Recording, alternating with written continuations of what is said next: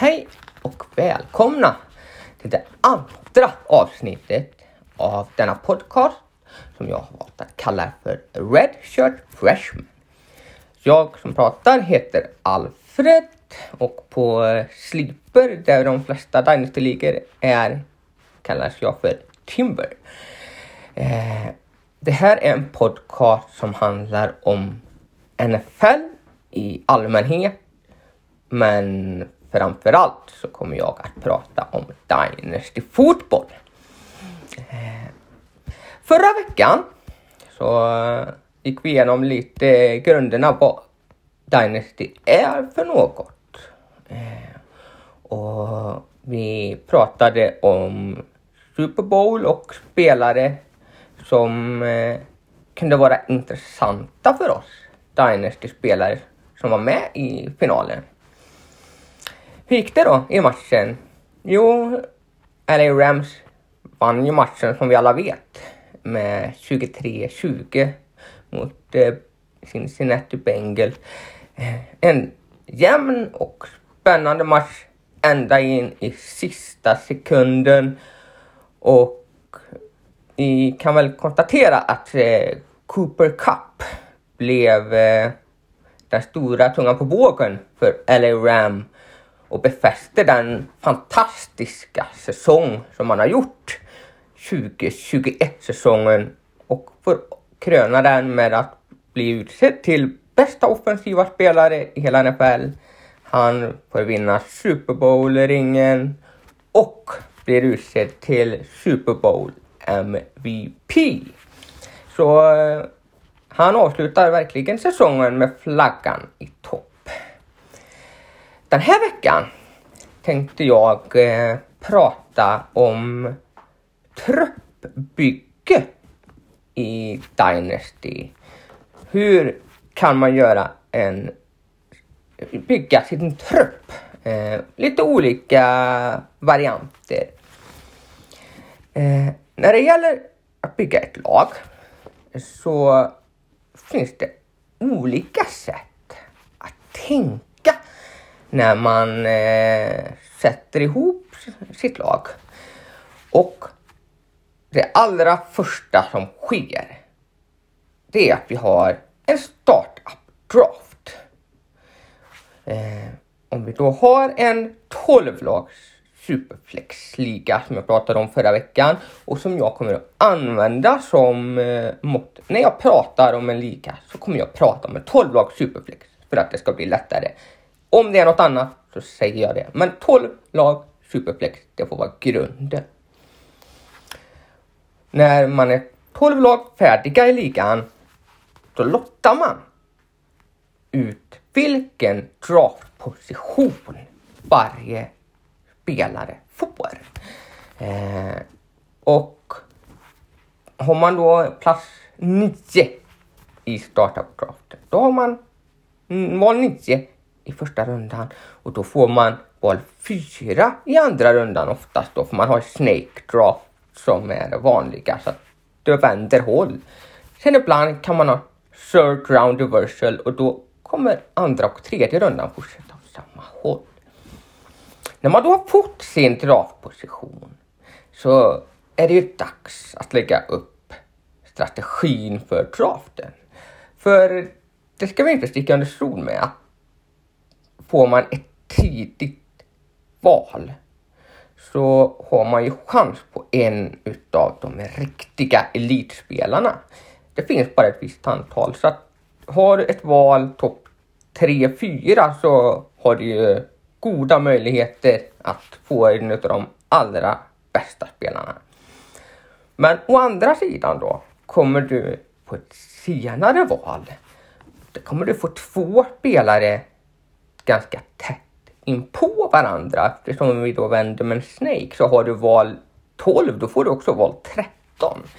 Eh, så här får man ju då lägga upp en strategi.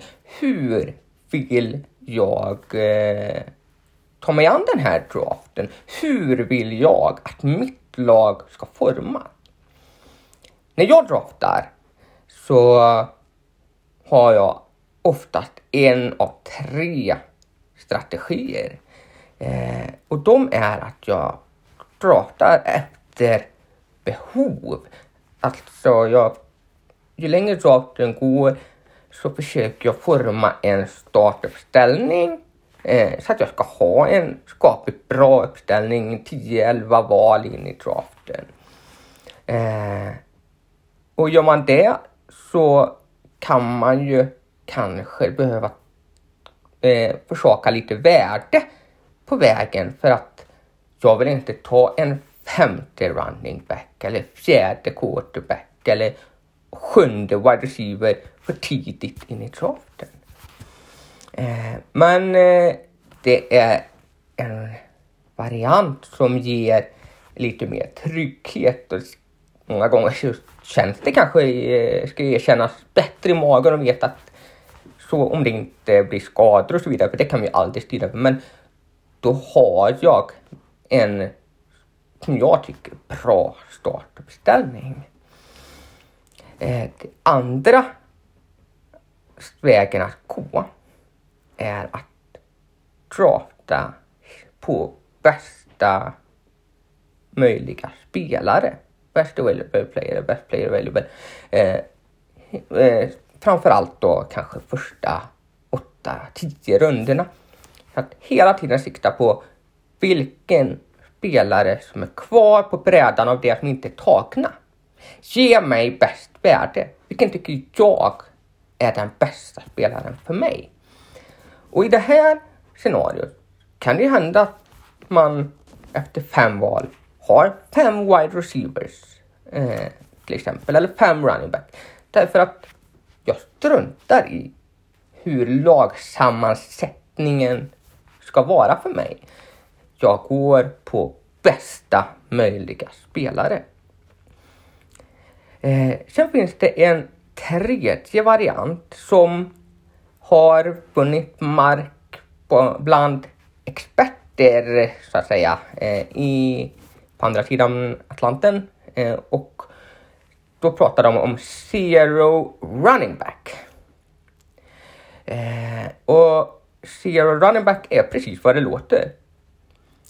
Jag försakar running back. Säkert tio runder in i draften. Därför att det man menar på är då att running back-värdet kan vara väldigt högt när spelaren är i sin peak i sin karriär. Då har man ett extremt högt running back-värde. Eh, men däremot så har man oftast en betydligt kortare topp, en kortare karriär och de menar ju också på att skadeproblematiken är för stor för att man ska våga chansa på en bra running back väldigt tidigt. Eh, det här är en strategi som eh, kan ge stora problem om du då säger att du kommer 10-12 runder in i draften. För då är running back-landskapet som är kvar, det är inte något som är jätteroligt att vakna upp till. Eh, men du får bra wide receivers, du får bra tight end och bra quarterback. Eh, och då får man alternera och försöka hitta bästa running back för varje vecka att spela med och kanske göra små traders för att hitta en reserv eh, running back eller third down running back som vi säger eh, i något lag för att ha för varje vecka. Eh, det är en strategi som Mm, inte kanske alltid ger den bästa känslan i magen längs vägen. Eh, sen finns det ju en något som jag inte pratade så mycket om förra veckan men som är en väldigt rolig och viktig del av Dynasty. Då pratar vi om trades. Att byta spelare och val med eh, sina medspelare under tidens gång. Och det här eh, brukar ofta börja redan innan startup-draften ens har börjat. Eh, och det här är ju något som, är man aktiv och jobbar utifrån en ranking som man har så kan man hela tiden följa brädan när draften har börjat. Vilken spelare finns kvar här nu? Hur har jag min ranking? Är det värt att trada upp för att få den här spelaren? Eh, och hela tiden vara aktiv eh, längs vägen. Och framförallt, trade, eh, om man draftar efter bästa möjliga spelare så är det här en strategi som verkligen eh, är värt att använda för att nu finns det en spelare som faller. Den här har jag ett väldigt högt betyg på. Den här spelaren rankar jag bra. Den vill jag komma upp för att ta. Eh, och så jobbar man utifrån den strategin. Det som kan hända istället är att det kan ju vara så att nu kommer det två runder där jag inte har några val. Det kommer hinna hända väldigt mycket. Det kommer hinna försvinna väldigt många spelare. Eh, och det kan vara ganska jobbigt. Eh, till exempel så är det inte helt ovanligt att man tradar upp för att ha kanske två val första rundan för att få en stabil stomme, några fina cornerstones som vi säger. Alltså grundstenar att bygga laget kring. Och då kanske man vill komma upp högt upp och ha en två, tre val inom topp 20. För då får du tre riktigt fina cornerstones. Du har något att jobba med. Men då kommer du sannolikt ha fått försaka val runda kan 3, 4, 5, kanske till och med runda sex, och då kan det hända att du har 3, 4 runder utan ett enda val. Och ja, du kommer ha fantastiska cornerstones. Men du kanske har gjort de tre valen på tre cornerstones och dina lag, eh, medtävlare har sex bra spelare i sin trupp. Så att det här är någonting man måste eh, fundera på. Vilken väg vill jag gå? Vad vill jag göra just den här draften? Och många utav oss som håller på med Dynasty är ju inte med i en liga utan man är med i ganska många ligor. Och är man med i många ligor så kan man ju prova olika strategier. Man kan jobba på olika sätt och se hur blir utfallet i alla ligor. Eh, och sen är det svårt att göra en utvärdering efter ett år för att många gånger kanske man draftar på lång sikt, samlar på sig framtida rookie draftval och då kan vi inte göra en utvärdering kanske förrän om fem år eh, för att få se vilken strategi var den allra bästa. Men när vi kommer till truppbygget då så är det ju så att vi har en trupp som vi ska drafta ihop. Vi ska ha en startuppställning. Oftast 10, 9, 10, 11 men oftast kanske 10 starters. Eh, vi har en quarterback, två running back, två, tre wide receivers, en tight end, två till tre vanliga flexpositioner och en superflex. Det är det mest vanliga. Eh, sen har vi en bänk. Och de kan variera lite i storlek beroende på eh, vad kommissionären som driver ligan har satt för inställningar. Men generellt kan vi säga mellan 13 till 18 spelare på, eh, på bänken. Det är det. Det ligger vi inom det normala. Eh, sen har man i många ligor något som kallas för taxiplatser.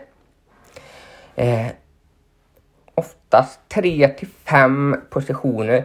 En taxiposition är en plats som när säsongens första match börjar så låses den. Och på taxipositionen så kan man då ha spelare, oftast rookies eller sophomores.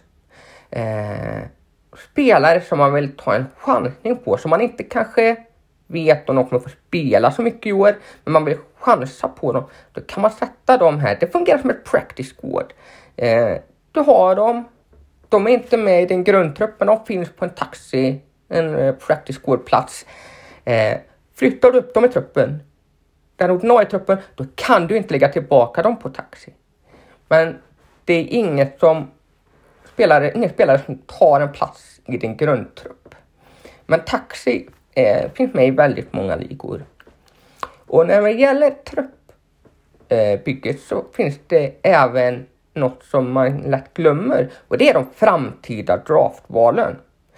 De är inte inräknade i din nuvarande trupp.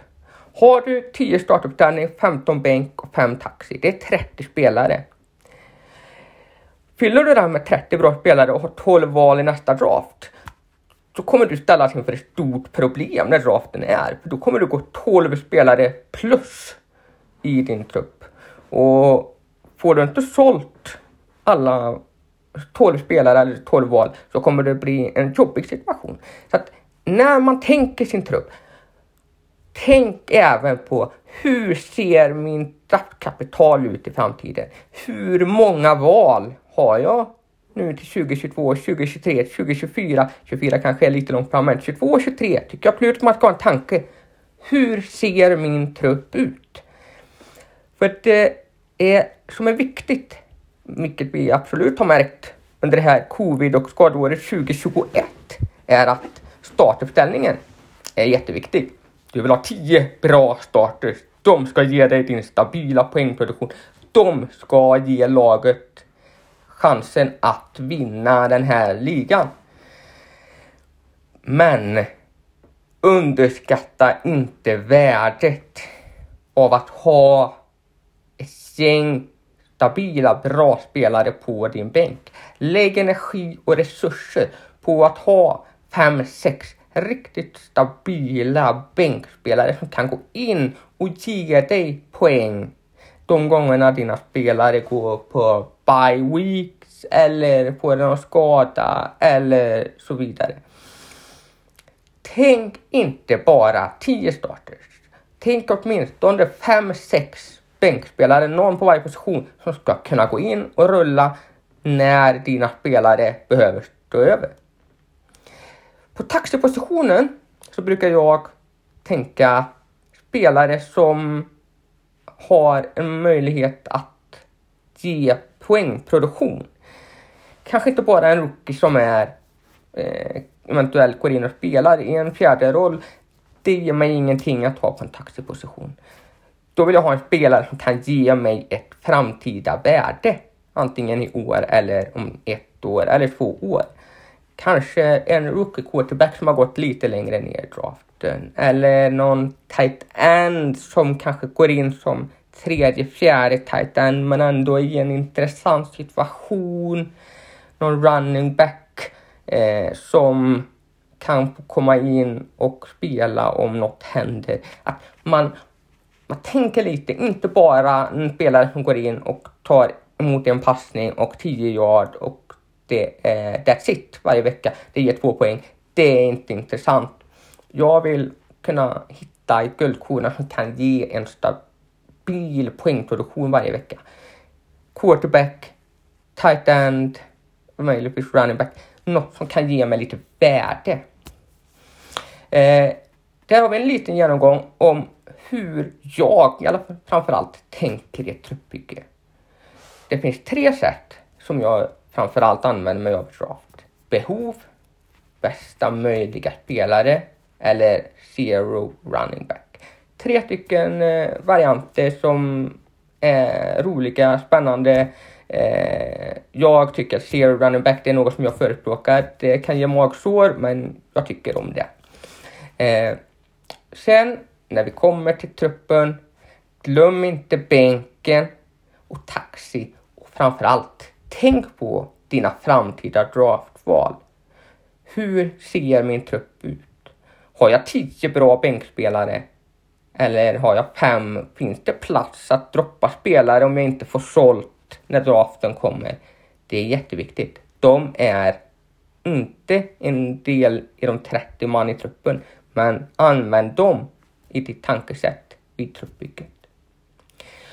Om man som jag är med i många ligor så kan det ju bli lite svårt att eh, hålla isär alla dessa ligor.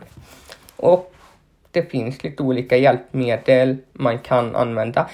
Ett, en sajt som jag använder mig av eh, och jag vet att många andra i ligan här ute använder sig av heter Dynasty GM.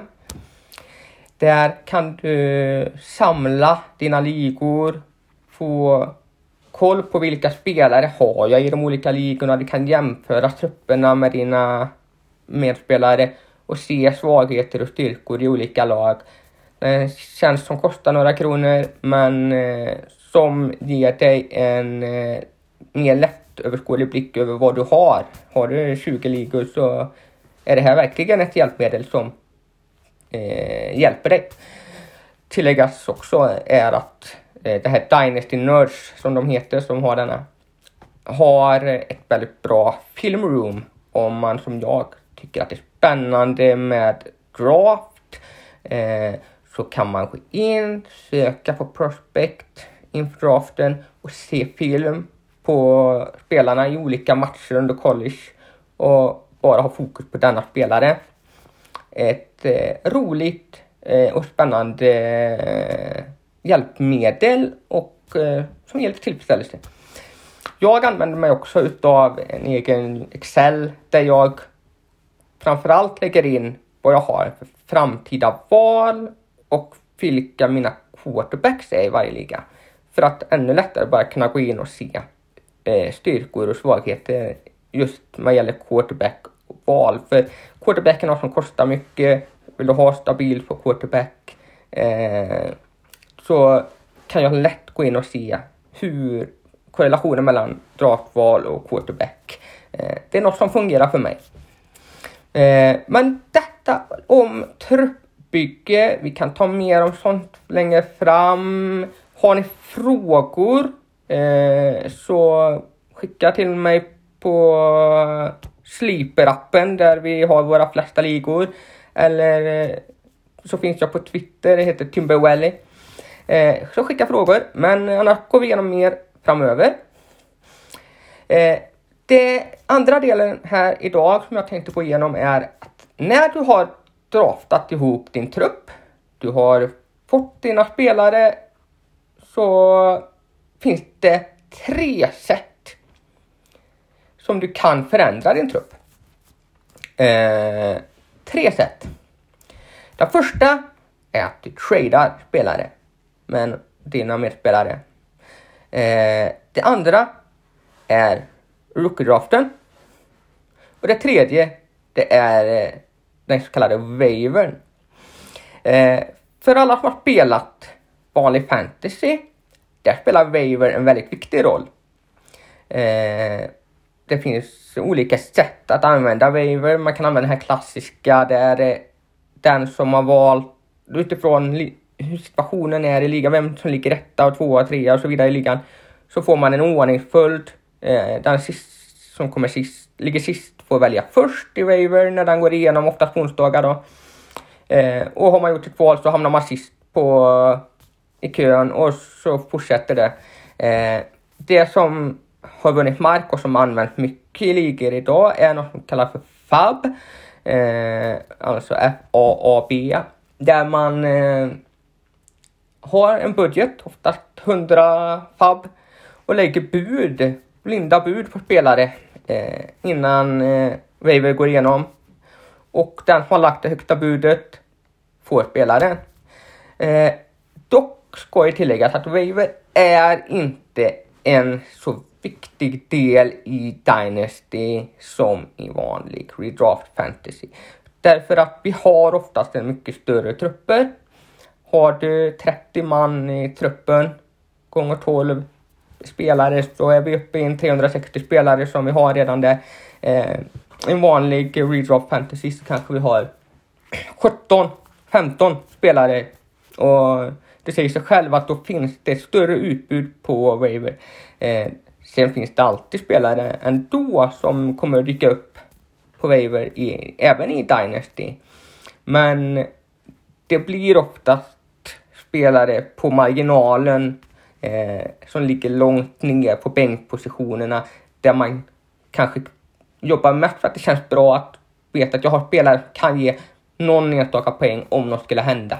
Men det är väldigt sällan du kan hitta spelare som är direkta startspelare på Waver. Det händer, men det är väldigt sällan.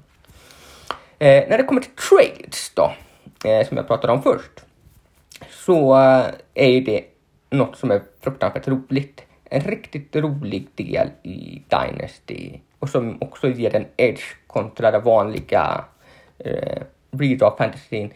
För där är folk, upplever jag, inte lika villiga att trada som i Dynasty. Eh, och när man tradar så finns det även helt olika sätt att tänka på. Eh, och då kan man ju trada enligt värde. Eh, att nu finns det en spelare här som jag skulle vilja ha i någon annan slag. Eh, fast jag tycker att värdet har blivit bättre på den här. Det kanske är en spelare som konsensus tycker att har gått ner, men för mig så tror jag på den här spelaren. Jag skulle vilja eh, köpa till mig den här spelaren, trada till mig den. Eh, att man går på värde. Om någon lägger ut på transferlist att den vill, eh, är villig att sälja en spelare eh, så kan vi börja och, och förhandla om den och hitta ett pris som jag kan tycka är okej okay att betala. Eh, sen handlar det också naturligtvis om vad säljaren vill ha för spelaren. Något som jag tycker är oerhört viktigt när vi kommer till trades är att i Dynasty att man strävar alltid efter att hitta en win-win trade. Eh, för om du försöker och eh, hitta fördelar för ofta så kommer det inte bli bra för dig i längden. För då kommer folk inte vara lika intresserade för världen är inte större än att folk vet vilka folk är. Och risken är att man inte blir attraktiv att trada med att sträva efter win-win. Sen är det klart att vad du och jag tycker om en trade kan ju alltid vara olika. Men att man eh, försöker hitta något som ger oss båda en, eh, en vinst i traden. Eh, och sen är det ju naturligtvis också så att man ska trada efter behov. Har du fått tre skadade running back till exempel så är det klart att då vill du ha en, in en ny running back. Du har ett behov.